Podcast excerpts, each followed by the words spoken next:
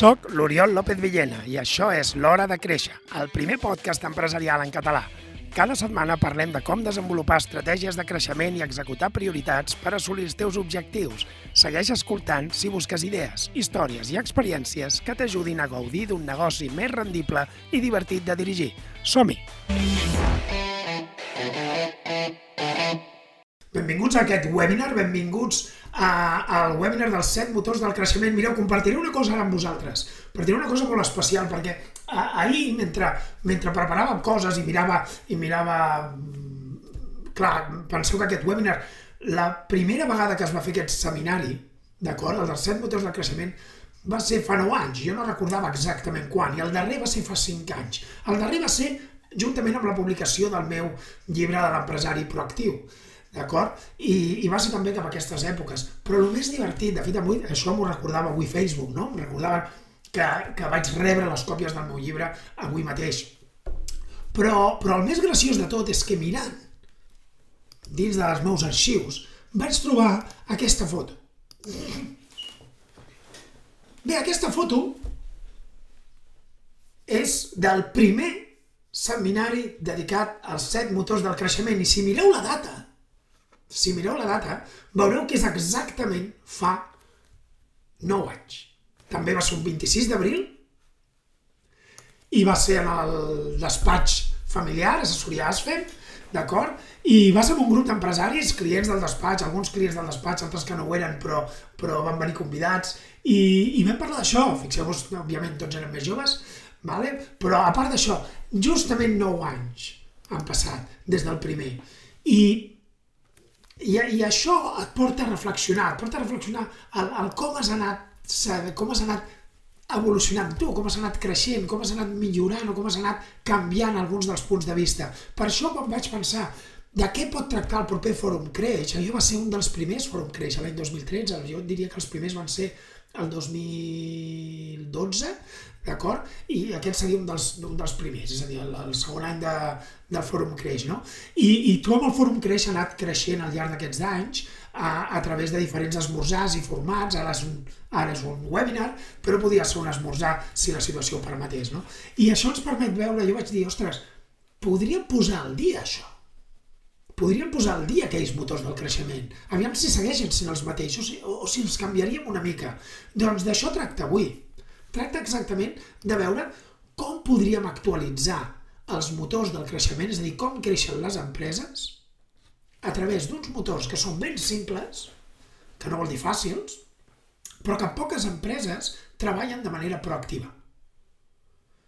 El primer que hem de saber és que no pots augmentar el benefici ni tan sols els ingressos directament, excepte amb un d'ells, d'acord? Excepte pujar en preus. Però sí, en canvi, pots millorar o crear certs hàbits que influeixin positivament. Per tant, el primer que hem d'entendre és que els set motors del creixement no deixen de ser set àrees on podem anar millorant perquè els ingressos de manera directa o indirecta vagin creixent. D'acord? El, el plantejament és ben senzill. La fórmula per mi del creixement és quants números de clients, quants clients tenim i quan gasten amb nosaltres.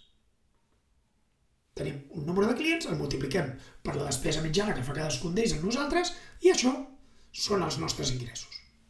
Després entraríem en les despeses i en els beneficis, eh? però avui parlarem només d'ingressos. I per tant, el, els, els motors es podrien reduir això. Quants clients tenim, quan gasta cada client. Per tant, a, a, això ens, ens, ens permet veure que podem anar actuant, ja no actuem sobre els ingressos en global, sinó que ara actuem sobre aspectes concrets dels ingressos, per exemple, el número de clients. I en el número de clients trobem diferents àrees. Quanta gent entra a la botiga, no? quanta gent ens truca per telèfon, eh, quanta gent de la que entra a la botiga ens compra, quants dels nostres clients es queden. Vale? Per tant, tenim diferents àrees sobre les que podem influir no podem influir sobre els ingressos en total, però sí que podem influir en aspectes concrets que, que permeten eh, millorar aquests ingressos. I també l'altra la, part de l'equació és quan gasten, quan inverteixen amb nosaltres. I aquí també podem dividir-ho en trossos, no? Podem dividir-ho en quantes vegades eh, ens compren al llarg d'un any o al llarg d'un període, en quina quantitat, quin volum de compra ens fan, o fins i tot en quin preu paguen. Doncs això serien motors. I d'això parlarem en concret en cadascun de, en ca, a cadascun d'aquests motors, d'aquests eh, factors, diguem-li com vulguem. En primer lloc, tindríem el número d'entrades, d'acord? Quanta gent entra a la nostra botiga, o quanta gent ens truca per telèfon, o quanta gent ens envia un e-mail. No? Aquest, aquest número d'entrades depèn de diversos factors, per, per exemple, de la visibilitat, és a dir, com de visibles som, perquè a vegades et diuen, no, tu tens... Ara internet permet que tothom tingui una botiga al Passeig de Gràcia de Barcelona. doncs home, sí, tothom tenim una botiga al Passeig de Gràcia de Barcelona, però amb una petita diferència, que és que una botiga com Zara té un edifici i jo tinc un cau d'aquests de ratolí que estan a sota de les, de, de, de les parets, no? Per tant, clar, per un vianant que camina per allà no és tan visible el meu cau com l'edifici. Per tant, com podem guanyar visibilitat que ens faci eh, atraure més clients, no? L'altre és com podem guanyar atractiu. Perquè està molt bé que ens vegin, però després han d'entrar. Han de, han de voler treballar amb nosaltres, han de trucar-nos per telèfon, han d'enviar-nos un e-mail, d'acord? I, i, I també hem de treballar en la relació, en com nosaltres utilitzem les relacions que tenim i com creem relacions amb potencials clients de manera que entrin, perquè no es tracta només d'atraure, sinó que es tracta d'anar a buscar de manera proactiva. I, i això em porta a pensar, eh, abans d'ahir miràvem, bueno, podríem dir que remiràvem la pel·lícula, una de les pel·lícules de Harry Potter, i, i pensàvem en el, en el Quidditch. Sabeu què és el Quidditch o no? Podeu contestar-ho a través del, del xat. Eh, si veig que tots ho sabeu, o ho sabeu majoritàriament, no entraré en detalls, d'acord? Però, però això em permetrà veure fins a quin nivell de detall voleu que entri en el món del Quidditch. D'acord? El Quidditch, vale, doncs el Quidditch és l'esport que practiquen a Hogwarts, que és l'escola de màgia on va Harry Potter. I el Quidditch és un esport, podríem dir, relativament simple. Són dos equips de set jugadors cadascun, hi ha com tres aros on han de, on han d'encistellar unes, unes boles i aquests set jugadors es divideixen en diferents tipus, no? Hi ha els chasers, ha els beaters, ha els keepers, ha els seekers, hi ha, hi ha quatre tipus, no? I, i paral·lelament hi ha tres tipus de, de pilotes. Hi ha una pilota que és, podríem dir, una, una, un quaffle, que és com una pilota normal, negra, que serveix per anar-la encistellant i cada vegada que un equip encistella, en un dels aros, són 10 punts i van sumant. I hi ha, una, hi ha dues pilotes que són per atacar l'altre equip, per fer-los caure de l'escombra, i hi ha una tercera pilota que és com aquesta. D'acord? És una papallona daurada, una golden snitch, té diferents noms. D'acord? L'altra és aquesta. I això m'hi va fer pensar un client meu, que em va comentar un dia, diu, mira, nosaltres a l'empresa busquem, com a clients, busquem papallones daurades, que són el nostre client ideal. I per tant ens centrem en això. Els altres estan bé, però ens centrem en això, per tant estem especialitzats, estem eh, vamos, eh, focalitzats en allò, no? Doncs aquests diferents jugadors es tracten d'això. Hi ha un jugador, hi ha un jugador concret, que és el caçador, que aquest es dedica només a caçar aquesta piloteta, que va rondant per allà. La gràcia d'aquesta piloteta és que qui l'agafa puntua 150 punts de cop i s'acaba el partit. No vol dir que guanyi, però s'acaba. És a dir, quan s'atrapa aquesta pilota, s'acaba el partit i ha puntuat 150 punts, el qual li dona bastantes possibilitats de guanyar a, a l'equip que la captura. Vale? Els, els altres jugadors van fent altres feines. El, el plantejament és que sí, el nou client té raó, és a dir, de vegades hem de centrar esforços en captar el perfil de client ideal i per això quan volem que entrin més clients hem de posar l'esforç no només en el dia a dia, en aquells 10 punts de 10 en 10 en 10, que està bé, aquells clients que entren perquè són bons, perquè fem bé la feina, perquè tenim reputació, perquè tenim un bon producte, perquè tenim un bon servei, d'acord? No només aquests clients que ja venen de per si, sinó que també hem d'anar a buscar, hem de, hem de ser atractius, hem de fer ser visibles, d'acord? I hem de crear relacions amb aquells clients que realment són els nostres clients ideals, que serien les papallonetes daurades. D'això com es pot fer? De moltes maneres, d'acord? Es pot fer, eh, òbviament, des de la manera clàssica, de posar un anunci vale, en un diari fins a aspectes més, més complicats, doncs com les xarxes socials, que han canviat molt en 9 anys, no? Quan, quan parlàvem d'això fa 9 anys, podríem dir que les xarxes socials, òbviament, existien, eh? que no sembli que, que estem parlant de l'edat de pedra, existien, però el, el nivell de, de, d'influència que tenien les xarxes socials en les compres no era tan elevat, ara tenim influencers. Eh, jo tinc uns clients pues, que tenen una, una influencer que consumeix els seus productes i que després eh, fa, podríem dir, fa re, re, ressenyes a través d'Instagram en aquest cas. Vull dir que, que no existia aquest món, o no existia d'una manera tan potent com a dia d'avui. D'altres maneres que, que pots, pots eh, crear aliances amb altres, amb altres negocis que portin clients que tu no haguessis tingut en un cas di diferent, no? Jo tinc una clienta, vaig tenir una clienta que té una cafeteria a, a Girona i, i aquesta clienta, una cosa que, que va fer molt bé durant el confinament, durant el moment més dur del confinament, va ser crear aliances, va crear aliances doncs, amb una floristeria, va crear aliances amb una, amb una, una, una consulta de massatges, d'acord? De manera que podien oferir productes conjunts D'acord? De manera que la floristeria li aportava clients que volien un esmorzar amb flors i ella aportava clients a la floristeria que volien flors amb esmorzar. doncs aquesta és la idea, no? Podem portar. Però la, la font principal de clients, de podríem dir pràcticament tots els negocis, quina creieu que és? D'on venen els vostres clients? Poseu al xat, d'on venen els vostres clients?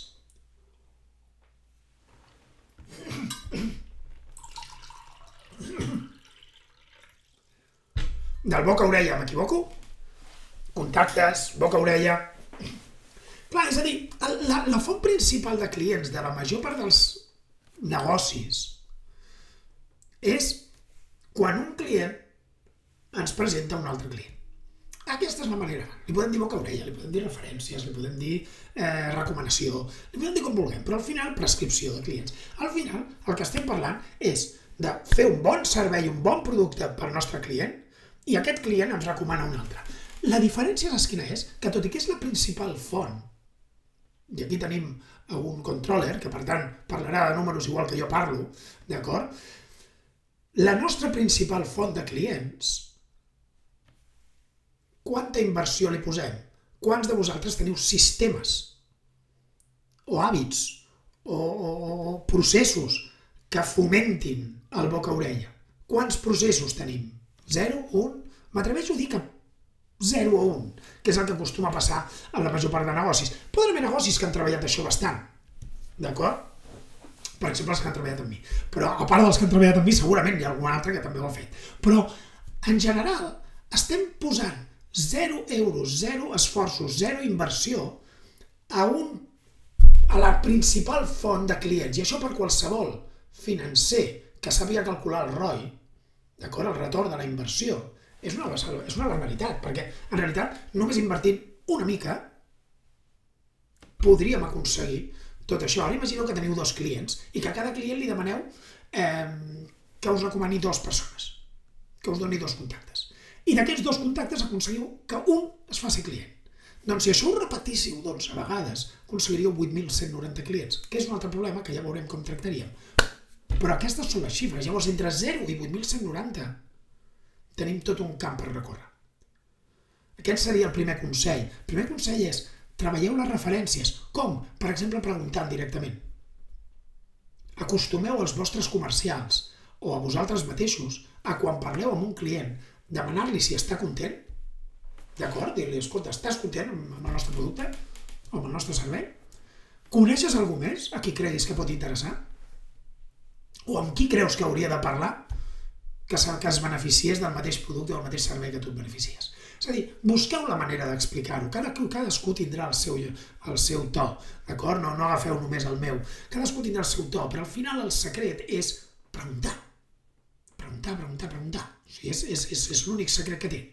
I per tant, eh, eh busqueu la manera, creeu un sistema sobre això. La segona font segon motor del creixement, encara dins de l'àmbit del, del tenir més clients, seria la conversió.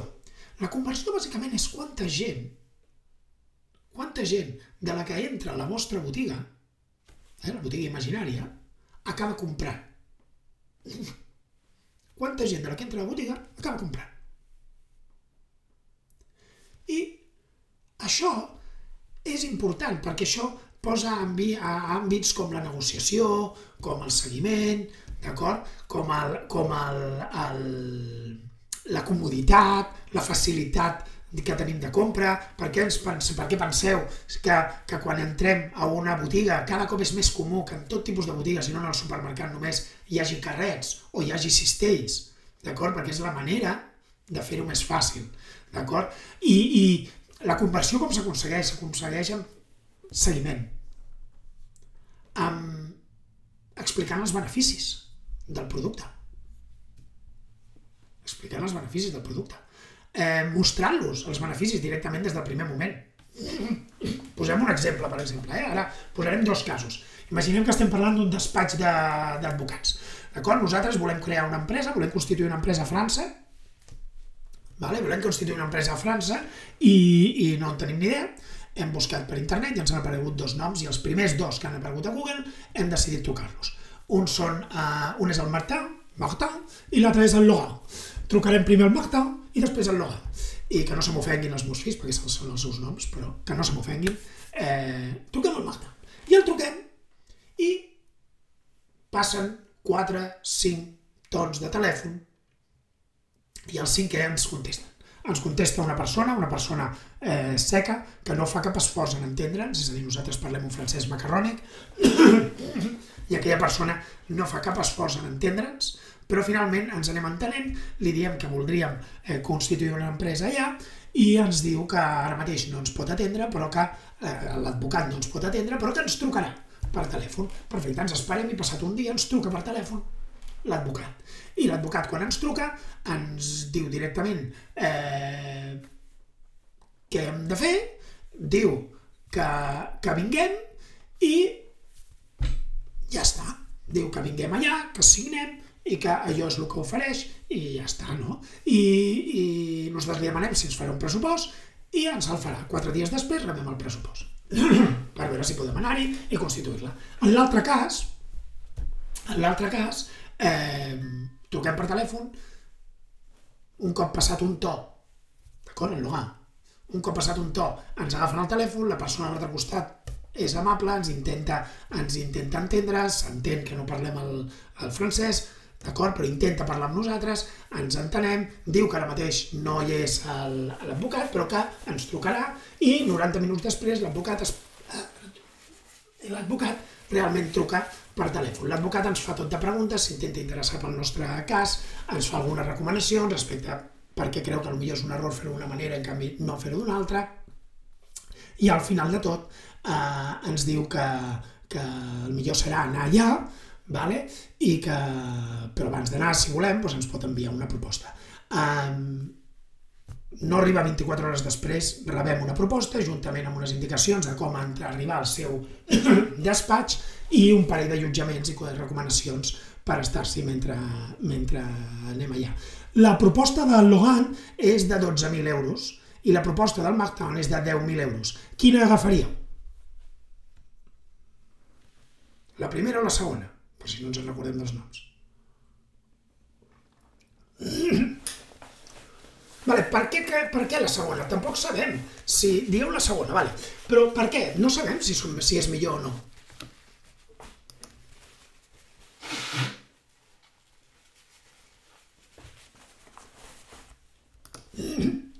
Per què triaríeu la segona? Dóna més confiança. Llavors, això és conversió, és a dir, tot i que el preu és més alt, i en parlarem després del preu, eh? tot i que el preu és molt més alt, perquè és un 20% més alt, eh? és a dir, no, no és 10 euros més alt, és un 20% més alt. Tot i que el preu és més alt, coincidirem tots que el segon ens ha donat molta més confiança. Això és conversió. No és només que atraure, no és només estar ben posicionat a Google. Tots dos estaven a dalt de tot de Google. Però, en canvi, un d'ells ha convertit. Un altre exemple serien els tutorials a internet. Si veieu tutorials, això ha canviat, eh? però a dia d'avui tu vas a YouTube i quan vols comprar qualsevol cosa, l'altre dia vam comprar, ahir vaig comprar unes, unes raquetes pel meu fill gran que necessitava i una de les coses que vam mirar van ser eh, ja no tutorials de l'ús, o sigui, de, de com s'utilitza una raqueta de tennis, que podríem dir que és relativament simple per algú que ja hi ha jugat, sinó, i per algú que no ha jugat també, vull dir, agafes la raqueta i colpeges, sinó que el plantejament és anem a veure com un expert prova la raqueta i ens dona la seva opinió. D'aquesta manera nosaltres podem veure la qualitat del, del producte més enllà del que ens estigui dient. D'acord? Més enllà del que ens diu la web de Wilson, en aquest cas. I per tant, podem veure la qualitat, podem veure eh, fins a quin punt és la raqueta que volem, podem veure els beneficis. Els beneficis, d'acord? I entre aquests beneficis és quan nosaltres decidim comprar o no. Clar, quan vam veure que els beneficis s'adequaven, que era una, una necessitat real i una, una necessitat molt semblant a la que nosaltres buscàvem, vam dir, d'acord, ja tenim l'opinió dels entrenadors, ja hem vist el que diu la web de Wilson i ja hem vist el que diuen altres experts. I per tant, comprem aquí. Això és una conversió. Si a més algú diu que, la, que, que el servei a dins de la botiga de Wilson és fantàstic i t'ho envien ràpid, doncs millor. D'acord? per tant, quan volem convertir més entrades, quan volem fer que més gent compri, el que és important és, primer, posar els beneficis al davant, és a dir, mostrar els beneficis des del primer moment, que el client vegi que realment en sabem, que el nostre producte funciona, d'acord? És a dir, que vegi els beneficis, com ha fet el segon advocat, eh, fer un seguiment, és molt important tenir sistemes de seguiment, és a dir, per anar contactant amb el potencial client. És, és terrible el, el que jo veig a vegades en, en empresaris que envien pressupostos i triguen, i després no, no els segueixen. O triguen molt a seguir-los. No els segueixen, no, no truquen per telèfon per dir, escolta, vas rebre el meu pressupost, com, com vols que treballem? No, esperen a que l'altre contesti, clar, però l'altre té molta feina. El millor, el, el millor no hi cau en contestar-nos, i potser té 300 e-mails. Vull dir que crec que qualsevol que hagi rebut algun pressupost alguna vegada, excepte que sigui pesat, algú que segueix constantment, d'acord? No, no, mai no he trobat a ningú que s'enfadi perquè un professional, per exemple, en el meu cas, que li ha enviat un pressupost, el truqui per telèfon uns dies després per veure, per veure com va. D'acord? Crec que és de cosa més normal i mostra professionalitat. Fixeu-vos que el, el Logan, el segon advocat, fins i tot envia el pressupost molt ràpid, cosa que a vegades sents empresaris dir no, no, s'ha d'enviar lent perquè és una cosa com treballada, que sembli, que sembli que ens ho treballem. No, no, el que sembla és que no tens temps i que no pots atendre'm. Envia-ho ràpid, això és professionalitat, has de mostrar que ets professional des del primer moment. Per tant, també, igual que en el cas anterior, també hi ha un tercer factor dins d'aquest motor que és la relació al crear relacions. Ens compra la gent que té més confiança en nosaltres. La gent ens compra a nosaltres. I en empreses grans, on hi ha, el, eh, no sé, una, una empresa industrial que subministra complements o accessoris d'automoció a la SEAT o a la Volkswagen o qui sigui, d'acord? Al final és el Joan que li ven a la Maria, malgrat que siguin empreses molt grans.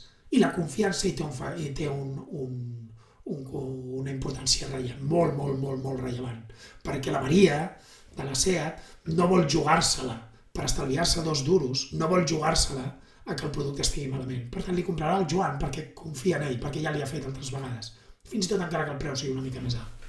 D'acord? Per tant, entengueu que la relació forma part també de tot això, que no podem allunyar-nos del client perquè no ens ve de gust, perquè creiem que el bo és les noves tecnologies, sinó que hem d'acostar-nos-hi, tot el contrari. Fins aquí tot bé? Alguna pregunta? Abans de passar al tercer motor?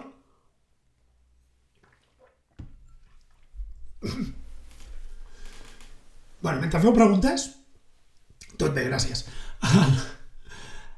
La tercera, el tercer factor, és a dir, quan parlem de nombre de clients, un és la gent que entra, l'altre gent, l'altre és la gent que compra d'aquests que entren, d'acord? Són dades que hauríem de tenir calculades, quanta gent entra al nostre negoci, quanta gent acaba comprant-nos, vale? Són dades importants, eh? I, I el tercer factor és la fidelitat, la retenció. D'acord? És a dir, quants d'aquests clients que entren i que es queden i que ens compren, després es queden. I això és important, perquè no sé si sabeu que el, el, la gran majoria dels clients, quan marxen o quan deixen de comprar d'una empresa, és pel que se'n diu indiferència percebuda, és a dir, la sensació de que no passa res i de que és igual. Això passa alguna vegada, si us hi fixeu, quan aneu a un restaurant i el menjar era pff, regular i l'atenció era bah, regular, no és bona però tampoc és dolenta, no? I, però us ve el cambrer al final i us pregunta què, què tal i vosaltres diu bé, Diu, bé per, per educació, però no tornareu. Bé, aquest és el factor principal de pèrdua de clients, perquè el que està descontent t'ho diu.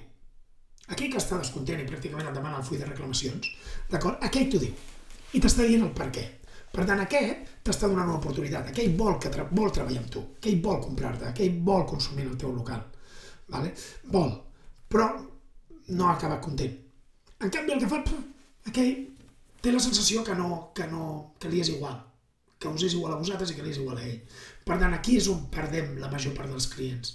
El nivell d'atenció al, al client és, impres, és imprescindible. Hem de fidelitzar els nostres clients, d'acord? I els hem de fidelitzar, no sé com fa Disney, Disney tindrà moltes coses negatives, no? Però jo recordo fa uns anys vaig anar a Disneyland París amb els meus fills, petit, amb els meus fills, moment eren més petits, clar, i, i, i vam viure tres experiències que ens van fer pensar en el que era l'experiència al client. No? La primera va ser quan van voler fer-se fotos amb, amb personatges, eh, els vaig dur a fer-nos fotos amb personatges i una, un dels personatges recordo que eren aquestes dues, aquests dos esquirols, Chip i Chop, no, no, no recordo qui és el Chip i quin és el Chop, un porta el nas vermell, i, i la cua era quilomètrica, una cua molt llarga. La cua vam esperar mitja hora. D'acord? I vam estar esperant, esperant, esperant, la vam fent cua. el fet és que quan vam arribar, quan va arribar el moment, jo els vaig dir als meus fills, aneu ràpids, que teniu gent esperant al darrere. D'acord? Jo, bàsicament, vaig veure una cua molt llarga, vaig veure que jo m'havia esperat i no vaig voler que els altres s'esperessin tant. Doncs bé, va venir Chip o Chop, no sé quin dels dos, un dels dos, eh, va venir tot enfurismat i em va renyar. I va ser la primera i única vegada que m'ha renyat un esquirol. Llavors el, el, em va renyar i em va dir que els nens s'estaran l'estona que necessitin. Aquesta va ser la frase. Em vaig callar, òbviament, un es calla, quan un esquirol li diu alguna cosa, van estar allà, es van fer abraçades, van fer una foto, van això, i van marxar. La, en, en realitat, Chip i Chop tenien clar quina és la durada que han de tenir aquestes, aquestes converses i aquestes fotos. D'acord? Per tant, van àgils. Ja s'espavilen perquè la cosa vagi àgil. Però ho fan de manera que els nens i els pares no percebin que se'ls estan donant pressa. Els nens van tenir la sensació que van poder fer broma amb ells, van tenir la sensació que podrien haver estat allà tot el matí, però en realitat tot anava molt pautat. Això va ser la primera experiència, veure que el client quedi content, perquè ningú faria una cua de mitja hora per fer-se una foto amb un personatge que després es fa una foto de rigor ràpida i, i t'envia ràpid fora. No tindries cua. No tindries cua. D'acord? La, la segona experiència que vam viure va ser el... vam, vam escriure unes postals a, a París, havíem estat a París uns dies abans, just abans, vam escriure unes postals, quatre postals per enviar. I durant la nit abans de marxar, estàvem en el, en el menjador de l'hotel d'allà de Disneyland i no sé què hauria passat, estàvem dins d'un paper, vam anar a dormir i el dia següent vam dir, ostres, no tenim les postals. I no sabíem on eren i vam pensar que estarien al menjador. Vam preguntar a recepció, ens van dir que no havien trobat res, d'acord? I acte seguit ens va dir, escolta, hi ha alguna cosa, o sigui, us faria il·lusió tornar-les a escriure? I dic, home, sí, clar, les faríem escriure. Però us faria molta il·lusió? Diu, sí, clar, les hem d'escriure per nassos. Llavors ens va acompanyar, bueno, va acompanyar els meus fills, els va acompanyar a la botiga de l'hotel, els hi va donar a triar quatre postals, els hi va regalar un bolígraf a cadascú i els hi va posar uns segells i els hi va dir, escriviu-les que les enviarem.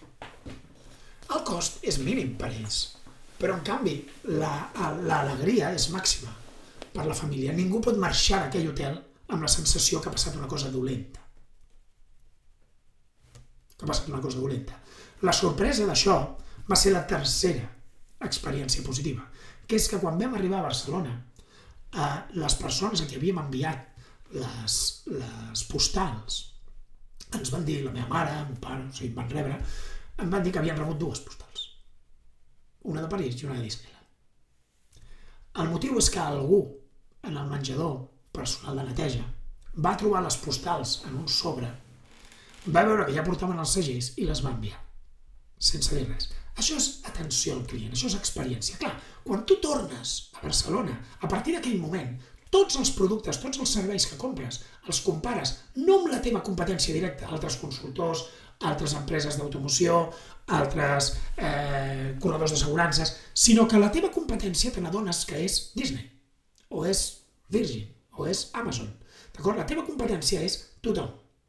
Qualsevol que presta un servei o ven un producte perquè l'experiència que tu visquis en el millor dels llocs serà la que tu posaràs com a exemple per la resta. Per tant, hem de centrar-nos molt en aquesta experiència i hem d'estar molt orientats, realment orientats al client. I no només al client, sinó també al proveïdor. Per crear una autèntica comunitat. Un client meu té un nivell d'atenció al proveïdor brillant. Brillant. Tracten els proveïdors com a socis perquè saben que en moments concrets això pot ser una diferència, pot marcar una diferència. Per exemple, durant el confinament.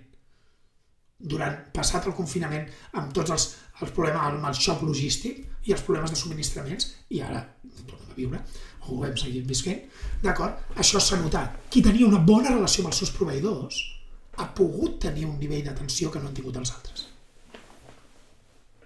D'acord? Per tant, aquestes empreses són les que creen comunitat. Són les que creen comunitat. Ahir Twitter, ahir mm, Elon Musk va comprar Twitter. No sé si ho sabeu, però ho va comprar. D'acord? I quan li van preguntar fa un mes, més o menys, eh, pels números de Twitter, en el sentit que Twitter no és una, no, no és una xarxa social especialment eh, exitosa a nivell econòmic, té els seus beneficis, però no és de les més grans. Llavors ell va dir, a mi m'és igual, m'és igual la, la part financera. És simplement que tinc la sens una sensació, una intuïció molt forta que tenir una plataforma pública com aquesta, que és que en la qual la gent confia de manera majoritària, que és inclusiva en el sentit que és oberta, tothom pot participar-hi. D'acord? I seguir qui vol i no seguir qui no vol. És extremadament important pel futur de la civilització. Fixeu-vos que el component, més enllà de, de les idees després polítiques i de, i de què comporti aquesta obertura total de, de, de llibertat d'expressió, no? és a dir, que hi hagi una llibertat d'expressió de debò, és a dir, menys bloquejos i aquestes coses. És a dir, més enllà d'això, el plantejament d'Elon Musk és això és una comunitat. I jo crec que serà extremadament important en el futur de la civilització tenir comunitats que siguin de confiança i inclusives. Això ens ensenya com a, com a empresaris a que el nostre futur també és crear comunitats. És un dels factors en el darrer any, quan jo he anat parlant amb clients eh, sobre estratègia i els he anat preguntant en diferents àmbits què és el que havíem de construir, què és el que havíem de millorar, hem anat concloent que s'havien d'anar millorant o creant comunitats al seu entorn. I comunitats és comunitat de clients, comunitat de proveïdors, comunitats de col·laboradors, comunitats d'equip. És a dir, és, és crear una comunitat en la qual tothom hi confia, en la qual tothom es relacioni. Per exemple, quan va ser la darrera vegada que veu posar a dos clients a la mateixa taula per endur-vos-els a dinar? És igual al sector que us dediqueu. Quan va ser la darrera vegada que veu agafar un proveïdor i li veu presentar un client vostre, de manera proactiva, sense que ningú us ho demanés? Ja no perquè facin negoci, sinó perquè potser comparteixen certs valors. Això és crear comunitat. I això jo crec que és el futur. D'acord? Perquè això consolida, això crea una experiència de compra molt gran, que va més enllà, això no vol dir que no s'hagi de, de tenir cuidat, va més enllà de l'experiència del dia a dia de com funciona el procés de compra. Que l'heu de fer, d'acord? Com fa Disney. I això ens porta al tercer subfactor dins d'aquest motor, que us sonarà, perquè és el mateix que els altres dos, que és la relació. El mantenir relacions properes i genuïnes amb els nostres clients. Alguna pregunta? Sobre això, mentre bec aigua?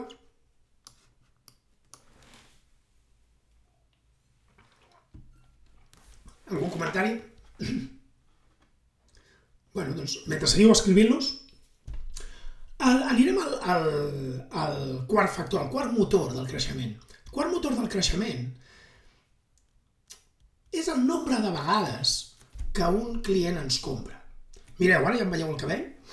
El meu cabell ara mateix està al límit. És a dir, avui està ja, aquesta setmana, ja és la setmana, podríem dir, que he d'agafar hora perquè la setmana que ve jo de tallar el cabell. Això hauria de ser així.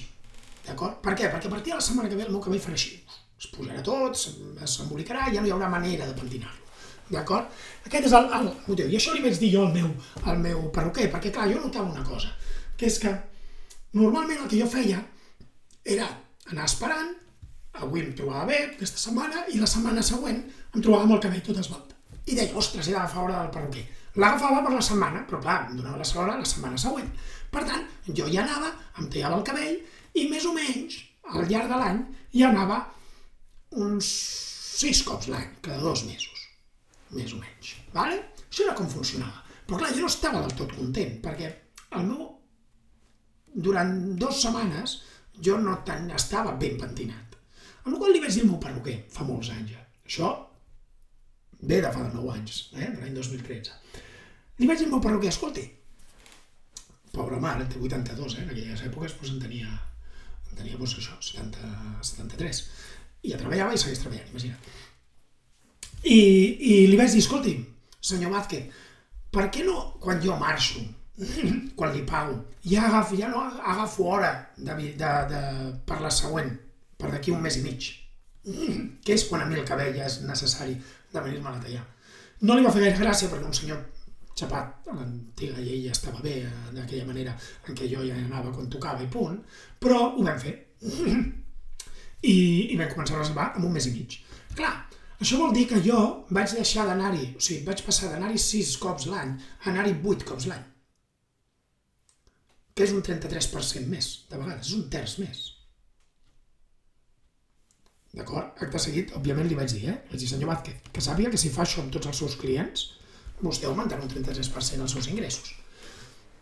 No ho va voler fer, perquè no, no ja, ja hem dit que això m'ho va acceptar a mi, però no és la manera com li agrada, però podria haver augmentat un 33%. I això ens, ens mostra la importància la importància del, del, del controlar el nombre de vegades que ens compra el client.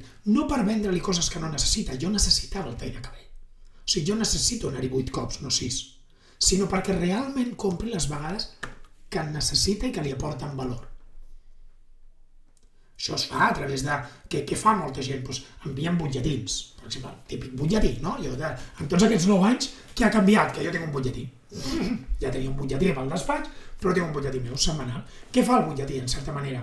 El butlletí recorda que estem allà, que estic allà. I per tant, fins i tot aquells clients que m'han comprat alguna vegada, amb qui jo he treballat alguna vegada, saben que estic allà i per tant segurament compren més vegades perquè em tenen present. Vale? El mateix que un client meu del sector industrial. Què vam veure? Vam veure que els seus clients, clar, els períodes d'entrega dels seus productes venen a ser més o menys unes entre 3 i 4 setmanes, depèn del producte. D'acord? Què passa? Que ens adonàvem que hi havia clients que trucaven per telèfon per demanar eh, fer una comanda i llavors quan feien la comanda, clar, a vegades deien no, no, però vull urgent perquè necessito per d'aquí dues setmanes. Però clar, això no, no era possible, llavors només ho podies fer a través de fer esperar d'altres o estressar tot l'equip, el que sigui. Per tant, què vam dir? Escolta, fem-ho diferent. I si portem nosaltres un control, en aquest cas informàtic, per saber més o menys, no podem saber l'exacte, però saber més o menys quan el client entrarà en, en trencament d'estoc, és a dir, quan el client tindrà ja poques unitats que, li, que només li permetran aguantar dues setmanes. D'acord? De manera que nosaltres, quan ho sapiguem, puguem trucar al client i dir-li, escolta, veiem que et queden dues setmanes d'estoc. Si vols que d'aquí tres setmanes tenir estoc, què et sembla si fem la comanda. Bé, doncs això va funcionar molt bé. Va funcionar també que hi ha clients que han obert el, el, el seu propi software perquè l'empresa, perquè el meu client, tingui informació real i actualitzada de l'estoc que té el, el seu client. De manera que això provoca un augment del nombre de vegades que es compra, perquè al final el que fas és avançar les compres. I el client està content, perquè el client veu que no s'ha d'esperar mai, que sempre té el producte. I més en els temps que corren, on els terminis d'entrega poden ser més llargs deguts a la falta de matèries primeres o el que sigui. O sigui, més amb els temps que corren, aquest tipus de, de seguiments són importants. Per tant, és important tenir eh, clars el proper pas, no? És a dir, quan parlem amb el client, quin és el proper pas? De manera que, com el meu perruquer, no? el proper pas és reservar per d'aquí un mes i mig. D'acord? El proper pas és veure quin estoc tens eh, sobrant. Vale? També és important mantenir un control, el que hem dit abans, control de les compres del client. No hem d'esperar que ens comprin, hem de nosaltres ajudar el client a controlar això. És la nostra feina. I per últim, el...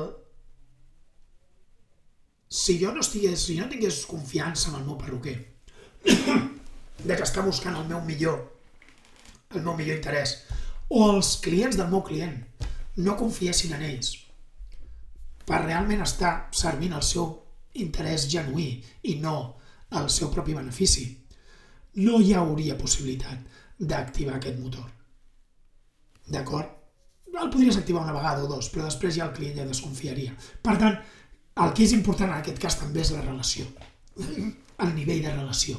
És a dir, el client ha de veure que estem constantment pensant en maneres d'ajudar-lo. El meu butlletí, pels que el rebeu, eh, sabeu que no és un butlletí de venda, no és un butlletí on es vengui.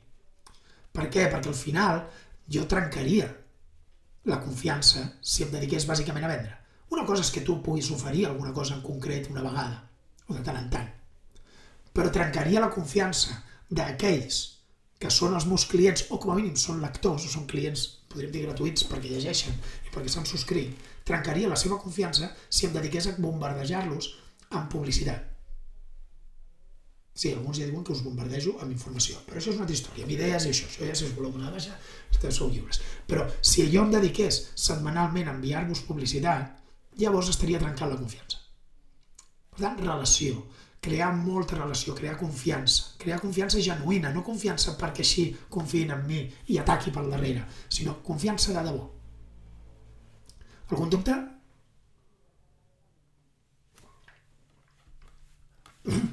El cinquè motor, la cinquena manera de fer créixer els ingressos, un cop ja hem vist que entri més gent, convertir-los en clients, retenir-los com a clients, que comprin més vegades, és aconseguir que comprin més quantitat. Comprin més quantitat. Ja està. Quan vas al McDonald's, jo no hi vaig, però això us servirà. Si vas al McDonald's i et diuen vols patates amb aquesta hamburguesa.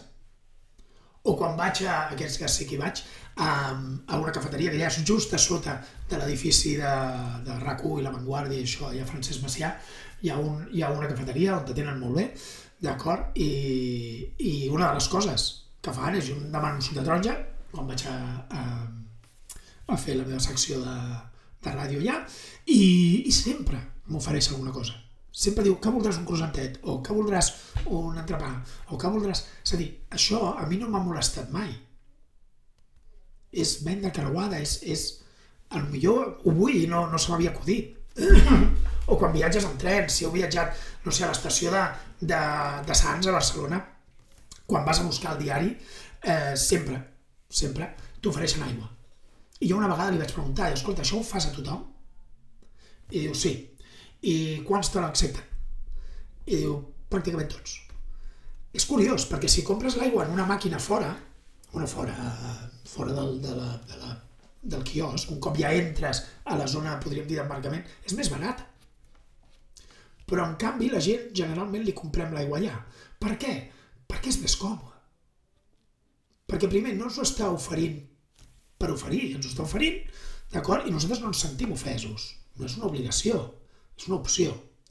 I, i segona, a nosaltres ens beneficia, perquè no és el mateix comprar ja i deixar-ho tot ja posat dins de la bossa que anar caminant, creuar el control i després allà, amb tot carregat, amb tot no sé què, anar en una màquina que a vegades funciona, a vegades no... Vull dir, el que fa és facilitar-te la vida. Què, què significa facilitar-te la vida? Pagar més. Però et dona opcions, això és la venda creuada. O uns arquitectes amb qui vaig treballar que ofereixen en els seus pressupostos, tenen el projecte, però després ofereixen opcions doncs d'acompanyament, de seguiment de l'obra, d'acord? De mostrar altres coses. És a dir, al final el que fem és oferir opcions als nostres clients perquè els nostres clients comprin més volum. Això ens obliga a, a innovar. Perquè quan nosaltres oferim opcions, hem de saber com. I per tant, això ens obliga a innovar, ens obliga a crear nous productes, a crear nous serveis, a dir com més, què més podem fer pel client. Què més podríem fer? Molt més, que nosaltres només venem components eh, electrònics per, la, per una empresa d'impressores. Perfecte. Però què més podeu fer? És molt trist quan un client vostre diu, no sé si us ha passat, eh? Veieu que compra coses a altra gent perquè no sap que vosaltres ho podeu fer. I això és de les coses més tristes que hi ha, d'acord, com a empresari. Però, però passa, i suposo que us ha passat a vosaltres. Per tant, eh, eh, no deixem d'innovar i no deixem d'oferir opcions als clients, que ho vegin que ho tenim. Com el carret del supermercat, que, que pots anar posant. El carret per què està pensat? Perquè compris moltes coses. No compris només una o l última compra, aquelles piles al final, al, al davant de la caixa. Per què estan fetes? Perquè acabis de comprar més. O si s'estrena una pel·lícula de l'univers de Harry Potter, què fa una llibreria? Posa els llibres de Harry Potter allà tots. Perquè potser vols comprar aquell, però també vols comprar els altres. Però no passa res, no és, no és enganyar. És oferir, és, és, és, la, és donar-li opcions al client perquè pugui triar. Us sembla lògic, suposo. Podeu contestar, eh? si no... Però després hi ha, hi ha un motor, el sisè motor, és un motor que, com ho diríem, és l'únic motor dels que diré que és ràpid, o sigui, té un efecte immediat, que crea un, crea un, un efecte compost, és a dir, que sobre el que sobre el que s'aplica, a partir d'aquell moment tota la resta es multiplica, o sigui, crea una sinergia, i és sinergètic, és a dir, amb la resta. És a dir, el fet de que tu apliquis això fa que els altres en surtin encara més beneficiats. I és el preu. I és el preu. És el motor més ràpid. És un efecte immediat en, el, en els ingressos i un efecte immediat, en aquest cas també, en els beneficis.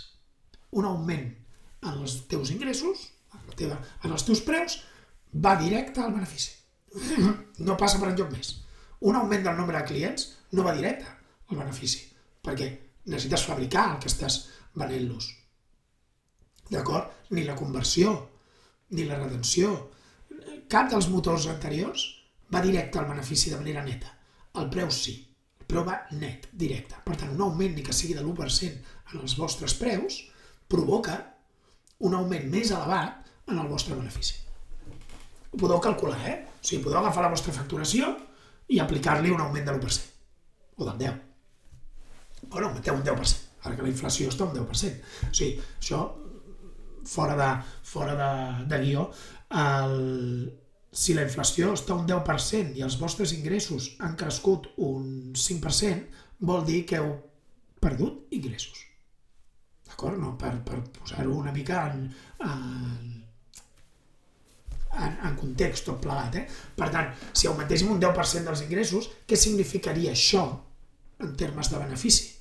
Eh? L'únic que heu de fer és augmentes un 1%, un 10% els ingressos. I després agafes aquest import, aquest augment, eh? multipliques els ingressos per 1% o els ingressos per 2%, i després agafes aquest import i el divideixes pels beneficis que tens. I mires quin és el percentatge d'augment dels beneficis gràcies a aquell 1% o aquell 2%.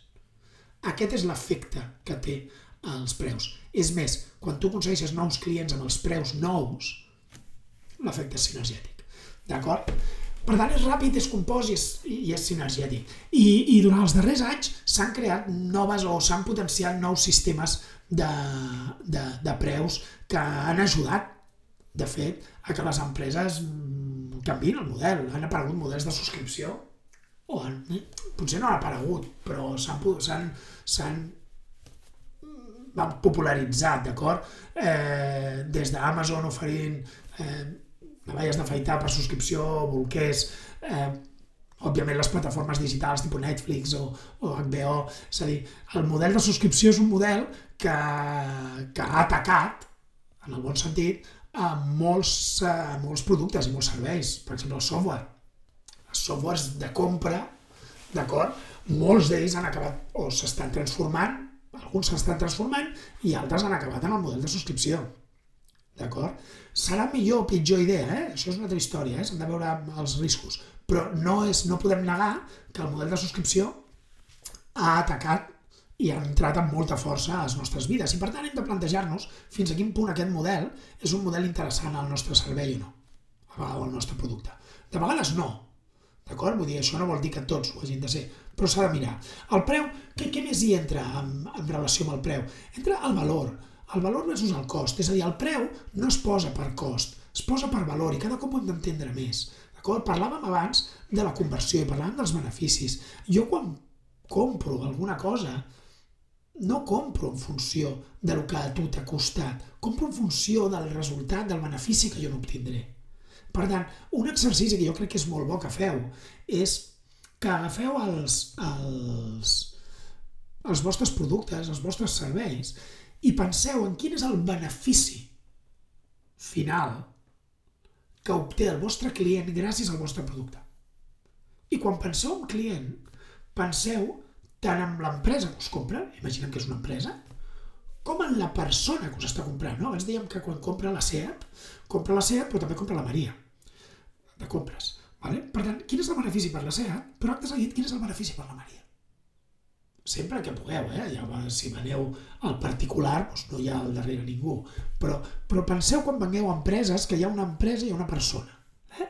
a les dues coses. I després calculeu quins d'aquests beneficis són tangibles i quins són intangibles, perquè quan veieu els tangibles descobrireu que hi ha molt més valor del que us penseu en els vostres productes. I, és més, hi ha el valor que els vostres clients sí que veuen. És aquells moments en què quan apugeu els preus, el client no s'us dona de baixa.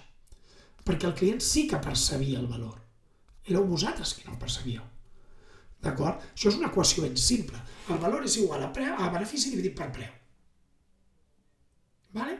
Però el benefici és benefici percebut. A vegades el nostre producte ofereix un benefici, però si el client no el percep o nosaltres no el comuniquem, és com si no l'oferís. I per tant el preu sempre molt alt en comparació al valor, i al benefici. Per tant, què hem de fer? Hem de saber quins beneficis aporta el nostre producte o el nostre servei, comunicar-lo adequadament al nostre client. Jo recordo quan vaig comprar, ja fa molts anys, eh, una, una rentadora per casa i vam recomprar la rentadora i en un dels llocs, en un de les botigues d'electrodomèstics, en lloc de dir-nos això té un botó de mitja càrrega i tot plegat, ens van dir aquesta rentadora us estalviarà diners. I vaig dir, per què? I perquè té un botó de mitja càrrega que el que fa és estalviar energia, estalviar eh, aigua. D'acord? I d'aquesta manera t'estalvies diners. Aquest em va, podríem dir, captivar el que em deia que tenia un botó de mitja càrrega només, a mi això m'és igual, és que jo, a mi el, el, el mètode m'és absolutament igual, el que vull és el benefici, i el benefici és m'estic estalviant diners gràcies a, a aquesta rentadora. Per tant, això hem de ser capaços, hem de ser capaços de mostrar el benefici davant del client. Eh? Feu aquest exercici. I l'última cosa que importa en els preus, igual que en els altres casos, com heu vist, és la relació. D'acord? És a dir, el nivell de relació. Els clients confien en nosaltres, per tant, quan nosaltres els hi oferim un producte els hi oferim un servei i ells saben que és de qualitat, el, el paguen. El paguen. El paguen perquè saben que el que tenen amb nosaltres és molt més que el simple producte. Són aquests beneficis tangibles i intangibles. No només està el tangible, també està l'intangible. Abans dèiem la Maria de la SEAT.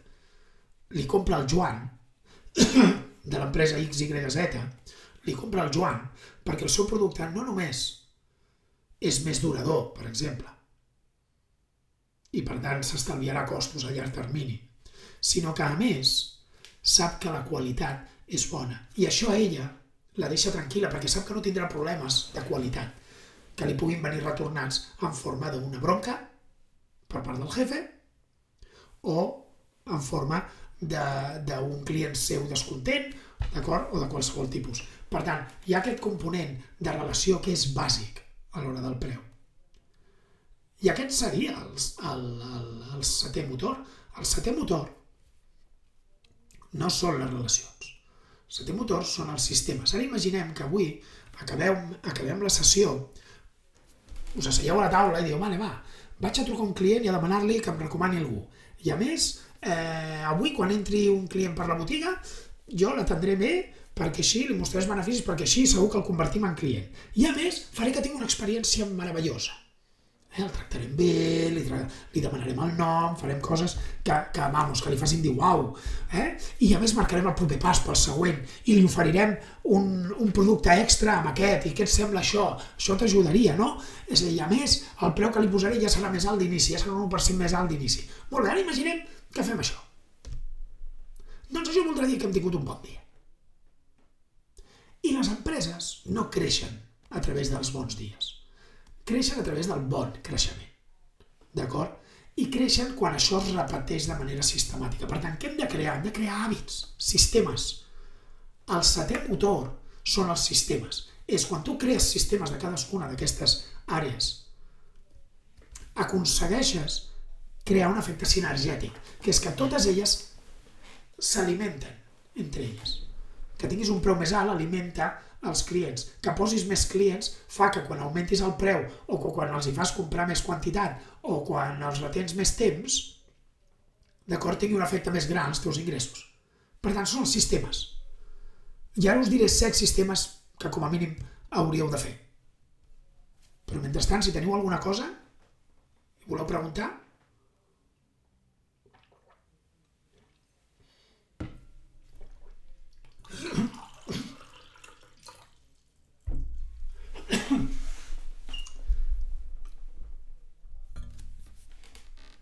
Alguna pregunta? No? Segueixo? Vale. Ah, mira, i quan la competència rebenta preus? Comenta el Josep Panosa. Mira, aquest és, un, és una pregunta molt clàssica. És a dir, això, això el primer que demostra és que, no, no ho dic per tu, eh? però quan tenim por a la competència pot passar o que no confiem en el nostre producte i per tant no, som, no, no tenim la confiança del valor, del benefici que porta el nostre producte i per tant no l'estem comunicant adequadament al client. Per tant, tenim un bon producte, tenim un bon servei, però no hi confiem prou com per poder-nos posar davant d'un client i dir sí, aquest és més barat, però, la, però no, no ofereix exactament el mateix. D'acord? O bé que estem enfocats a, a, un, a, un, a un perfil de client equivocat és a dir, si nosaltres no volem estar en un sector, fixa't que dic no volem, eh? perquè podem estar en una estratègia, podem treballar amb una estratègia low cost, si és l'estratègia que volem treballar. Però si nosaltres no volem ser un, una empresa eh, amb el low cost com a, com a estratègia, llavors, llavors hem de tenir clar que no tots els clients ens valdran i que hi haurà clients que marxaran i el client que marxa per preus podríem fer-ho al revés. El client que entra per preus marxa per preus. Quan la competència rebenta preus, és una mostra que, una de dos, o té una estratègia clara de low cost, és a dir, que busquen realment això, que passa poques vegades, o bé que utilitzen el que jo en dic la, la política de preus del gandul. La política de preus del gandul és aquesta. És l'única manera que jo tinc les coses, en lloc de pensar en els beneficis que porto al client, en lloc de pensar en quin client vull, en lloc de pensar en com utilitzo o com li, li presto una experiència que l'enamori, en lloc de pensar en tot això, l'únic que se m'acudeix és baixar preus per així tenir més clients. I és una estratègia que és suïcida, perquè feu la prova amb els vostres, amb els vostres números. Agafeu els vostres números, rebaixeu un 10% el vostre preu les vostres, la vostra facturació, com si rebaixéssim un 10% els vostres preus, i calculeu quin, quants clients nous necessitaríeu per tenir més millors beneficis, millors resultats que els que teníeu abans. El resultat us sorprendrà, que diu els, els titulars aquests de clickbait, perquè la major part de les vegades el creixement de clients hauria de ser tan gran que és pràcticament impossible. Jo això ho vaig fer amb un client fa uns anys que facturaven 750.000 euros, diria, i vam fer el càlcul i li sortia que una baixada de preus del 10%, no del 20%, no del 10%, l'obligava a aconseguir un 222% més de clients. En canvi, un augment del 20% de preus, que li feia perdre un 20% de clients, el situava en beneficis. Vull dir, si la competència baixa preus, és el seu problema. El que heu de tenir preparat és quins, com contesteu aquestes coses. Per exemple, a mi si un client em diu eh, és que ets més car que el consultor a la cantonada, doncs pots també comentar. Dic, mira, tu ets el més barat del teu sector? És una pregunta que jo he fet alguna vegada. La resposta normalment és no. Diu, i si és que no, és perquè tu saps el valor que aporten els teus productes i saps que el preu que tu cobres va d'acord amb aquest valor. Doncs el mateix jo. Jo no sé què ofereix l'altre consultor, no sé què ofereix l'altra empresa del costat. sí que sé la meva i sé que el valor que aporto és aquest, aquest, aquest. A partir d'aquí mm, no pots competir en preus si no tens una estratègia treballada només per això. He contestat, suposo, eh? Més preguntes?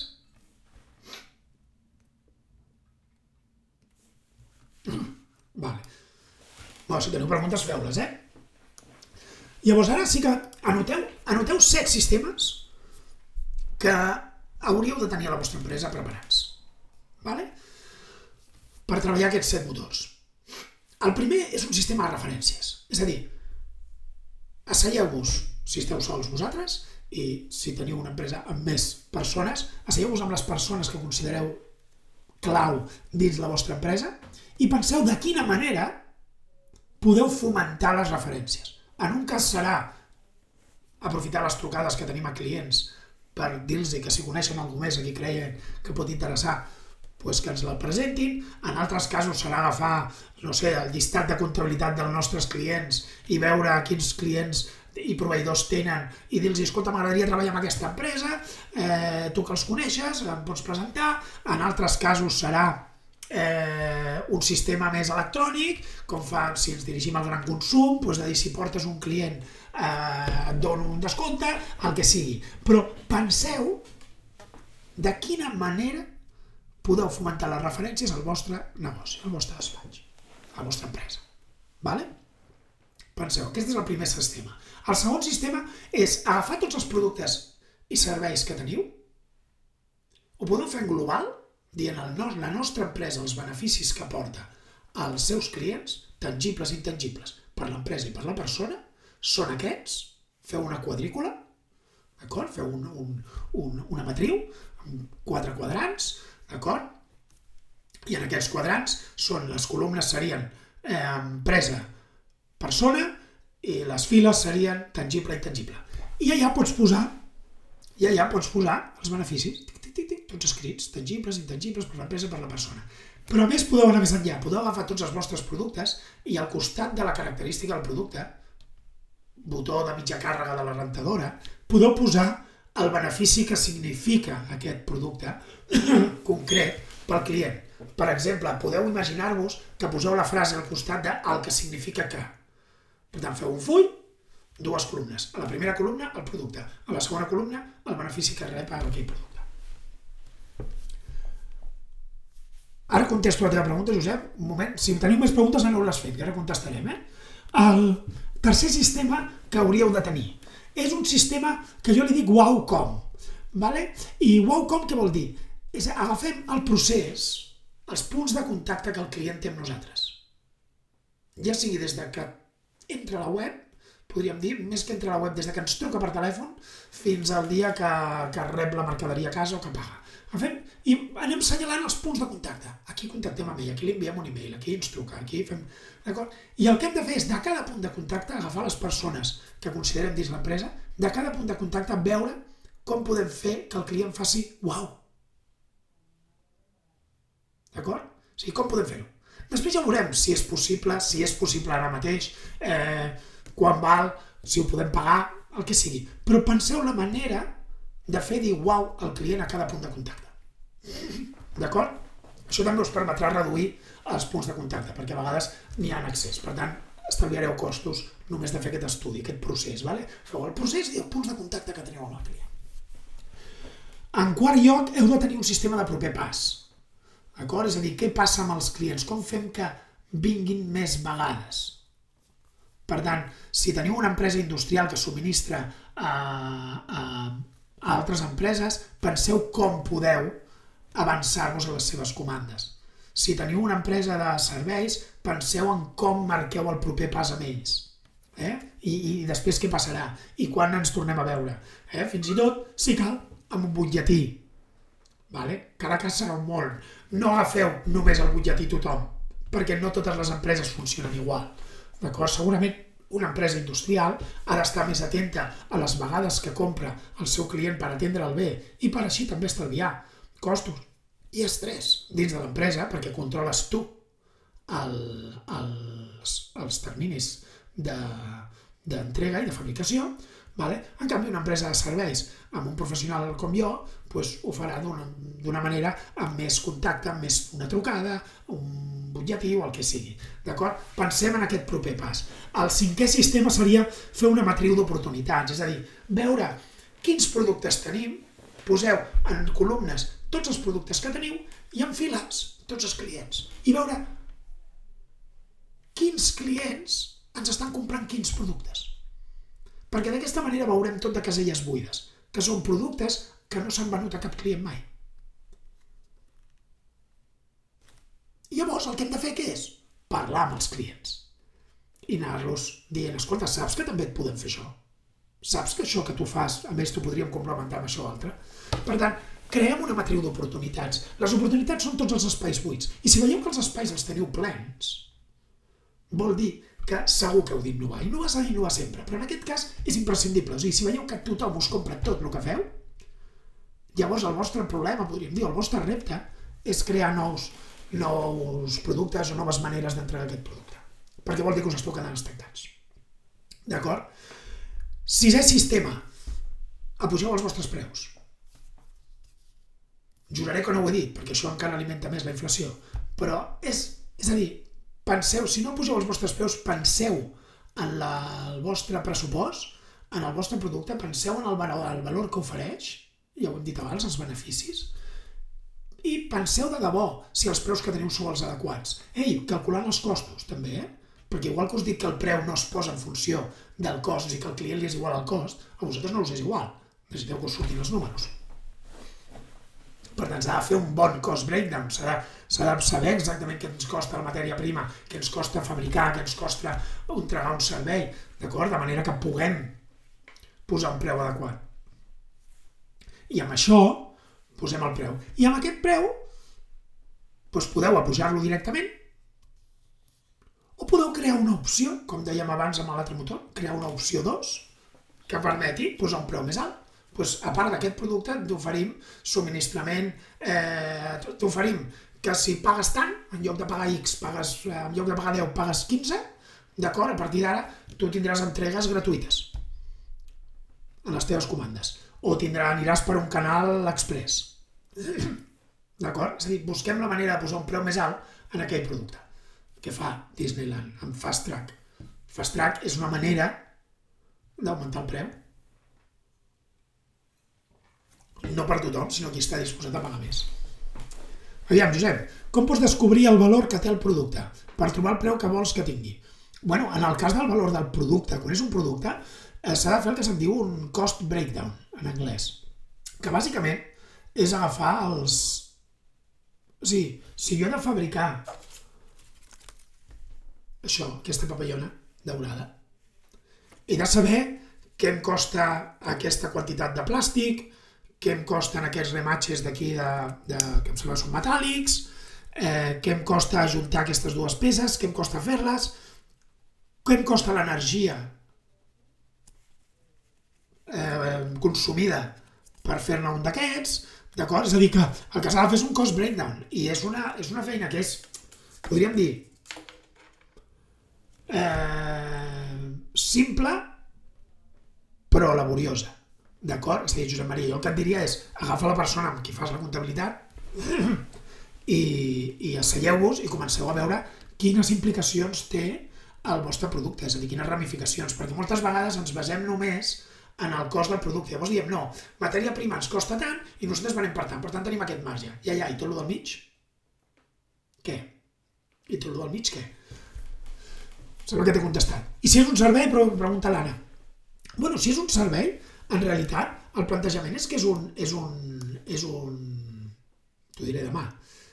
En realitat és que és un, un tema d'hores que tu tens. No, no perquè les hores...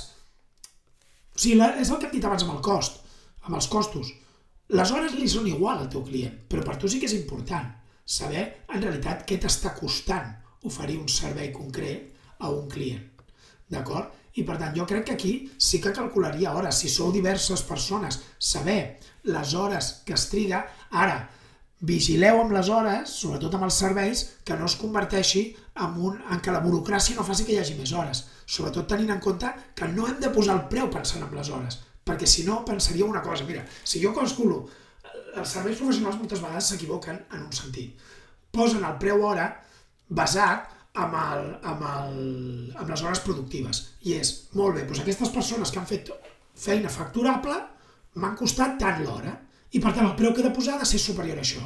Ja, però això no té en compte una cosa. Primer, no té en compte que hi ha gent fent feina que no és facturable però que és important pel despatx. Per exemple, el màrqueting.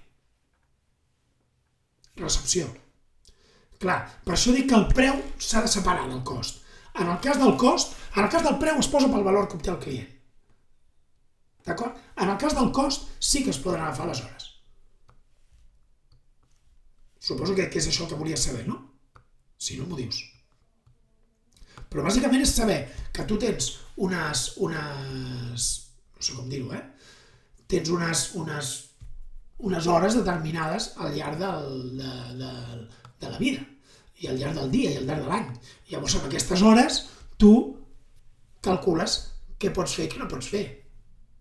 Pues, si tu vols tenir els divendres a la tarda festa i això, pues, vas reduint les hores i a partir d'aquí vas dedicant, vas dedicant en funció d'això. Vale? Crec que, crec que és això, eh? si no m'ho dius.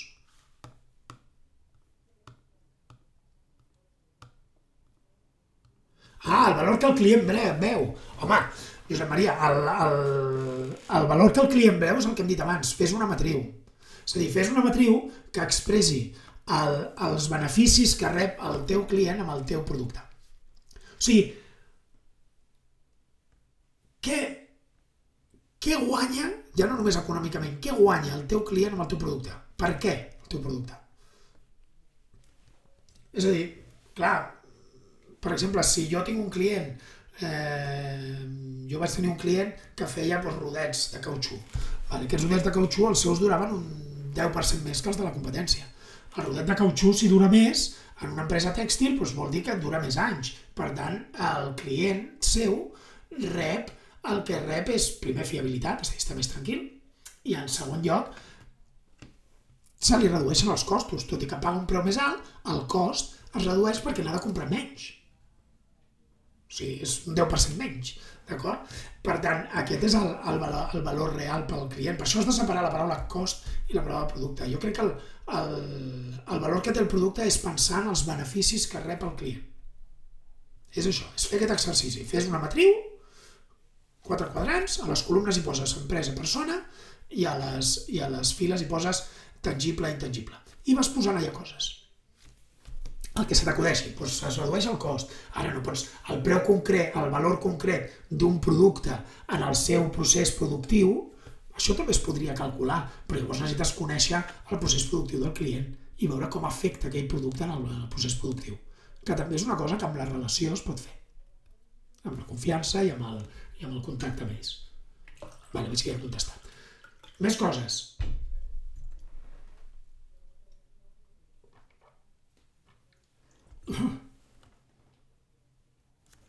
Més coses. Algú més?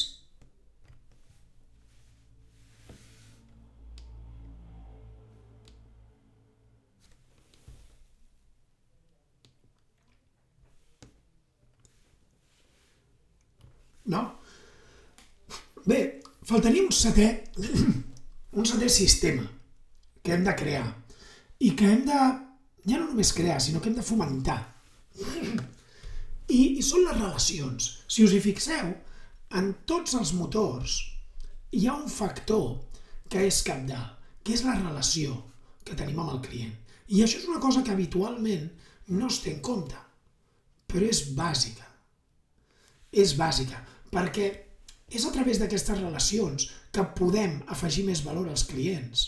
I és a través d'aquestes relacions que els clients no només confiaran més en nosaltres, sinó que voldran comprar més coses de nosaltres.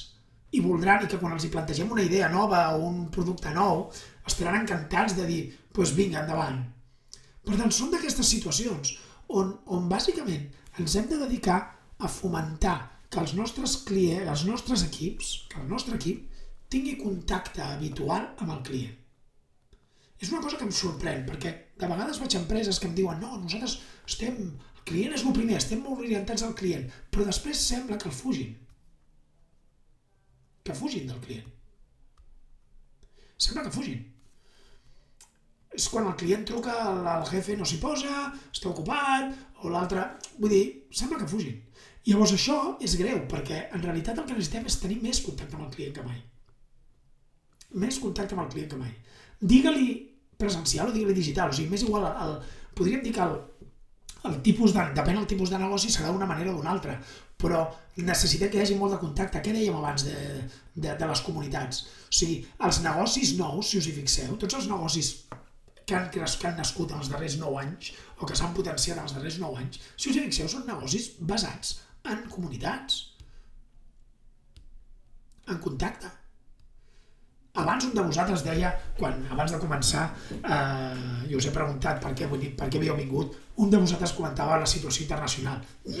Mireu, jo no sé què passarà, quines tendències eh, hi haurà això, no? Sí que recordo que hi ha un llibre que es diu, que es titulava Mega, Mega, Mega Tendències, escrit l'any 82. Ara no em feu el títol, l'autor, però no me'n recordo, però ja us el passaré. Aquest llibre, John Nasmith, em sembla que es deia ell, el, marcava l'any 82 unes, unes tendències que hi veia. I una de les tendències era més tecnologia i més relació. No ho deia així directament, però, però, però anava a venir això, anava a venir a dir això. Llavors, és això, és més tecnologia, més relació. És a dir, heu de buscar la manera de fomentar les relacions en els vostres negocis de fomentar-les fomentar de manera proactiva. I no només en els vostres negocis, sinó també en, els, en la vostra vida. O sigui, el pitjor que pot passar és que un client, que un empresari com vosaltres ja no vagi al club de tennis a jugar a tennis, si li agrada, o ja no quedi amb els amics per anar a fer una cervesa, o ja no vagi d'excursió. És a dir, això és el pitjor, o no vagi al teatre perquè li agrada. I això és molt dur perquè això va trencant les relacions a poc a poc. I aquestes relacions són les que fan que després, en el futur, els negocis funcionen i siguin duradors. Perquè és molt fàcil fer una venda. Lo difícil és fer un client, lo difícil és fer una relació, lo difícil és que allò es quedi al llarg dels anys.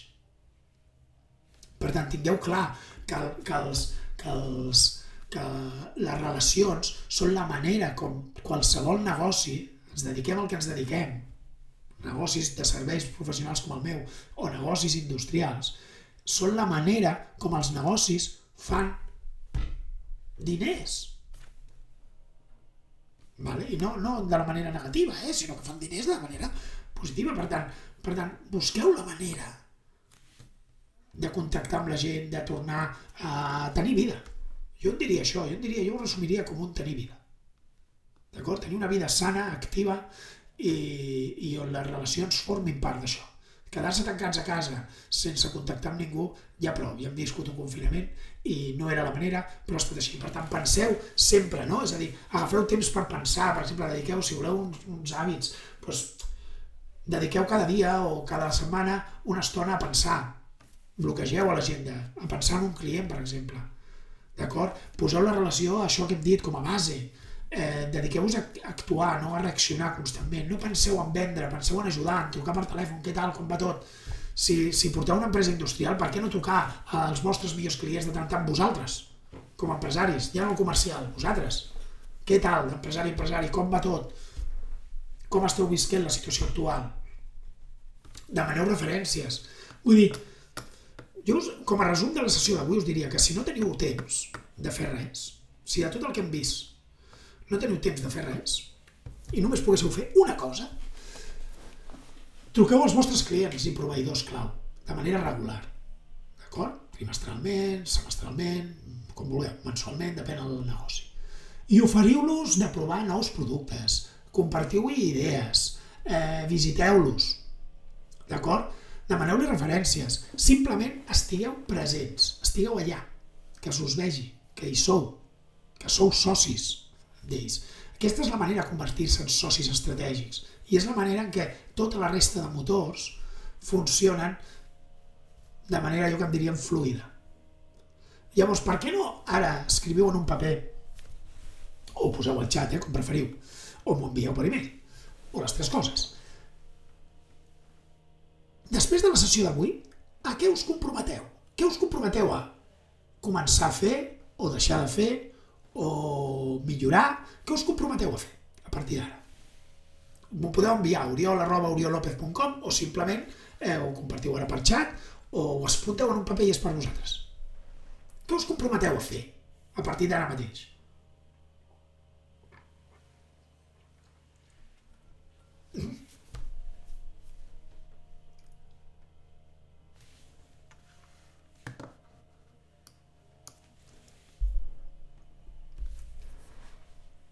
Mentre contesteu, a fer veure als clients la qualitat dels serveis de l'empresa, exacte. No, però no parlis mai de l'empresa, parla, o sigui, parla, parla del client, sempre. D'acord? El gran benefici és el client, el protagonista de la teva empresa és el client, no tu. Per tant, sempre és quin és el benefici que tu obtens amb això. I mostreu-lo. Eh, per què us penseu a vegades que s'envien tutorials o vídeos de com s'utilitza el nostre producte? Josep, jo per exemple, els clients que em contracten reben un, un paper el primer dia, un document Word, on explico de manera simple com treure profit dels meus serveis. Com treure profit. D'acord? Perquè és una manera d'explicar com obtindran més beneficis gràcies a mi. Doncs pues, acostumeu-vos a aquest tipus de coses. Eh? Si necessiteu ajut, si voleu que algun dia ho comenteu, doncs feu-m'ho comentar, m'ho comenteu i ho, i ho treballem junts. Estaré encantat. D'acord? L'Albert, explorar els punts de contacte, uau, un nou concepte per explorar que no havia pensat. Bueno, és, és una manera, és a dir, de quina manera pots enamorar els teus clients quan hi contactes? D'acord? Quan hi contactes? I, i, i contactes no vol dir un email, eh? a vegades és punt de contacte, és t'hem enviat la mercaderia. I llavors, quan has rebut la mercaderia, què passa? No? És a dir, què fa Apple, no? Quan et compra, quan compres alguna cosa, el packaging és adequat, el packaging està estudiat, la sensació, l'unboxing aquell famós és, és, és interessant, doncs això. A vegades no sabem ni nosaltres el valor que tenen els nostres productes i serveis i això és clau per saber on som, diu el Josep. Sí, clar. És a dir, el, el, el, nosaltres, l'exercici que hem de fer els beneficis és principalment per nosaltres, perquè és la manera que nosaltres podem estar convençuts davant de potencials clients, davant dels nostres clients, davant de proveïdors, davant de qui vulguem, de quin és el benefici que aporten els nostres productes i el nostre servei. Perquè nosaltres tenim uns productes, però tenim un servei, que és l'experiència. Gràcies, Gala, gràcies, Anna, també, per les vostres paraules. gràcies, Josep. Més coses.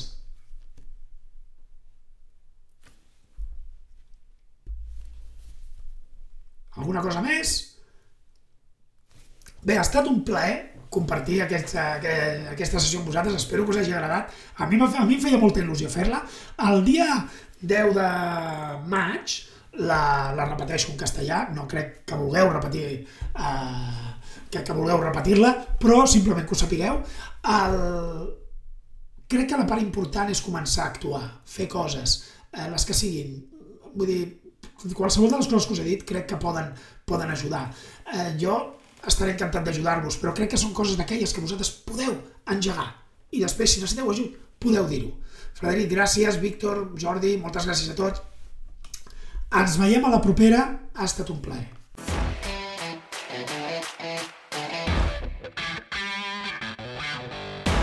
Gràcies per acompanyar-me en aquest episodi de l'Hora de Créixer. Si t'ha agradat, ja saps què has de fer escriu una ressenya, comparteix-ho amb algú i uneix-te a la comunitat de les empreses proactives. Gràcies per escoltar-me i recorda, l'acció és qüestió de prioritats.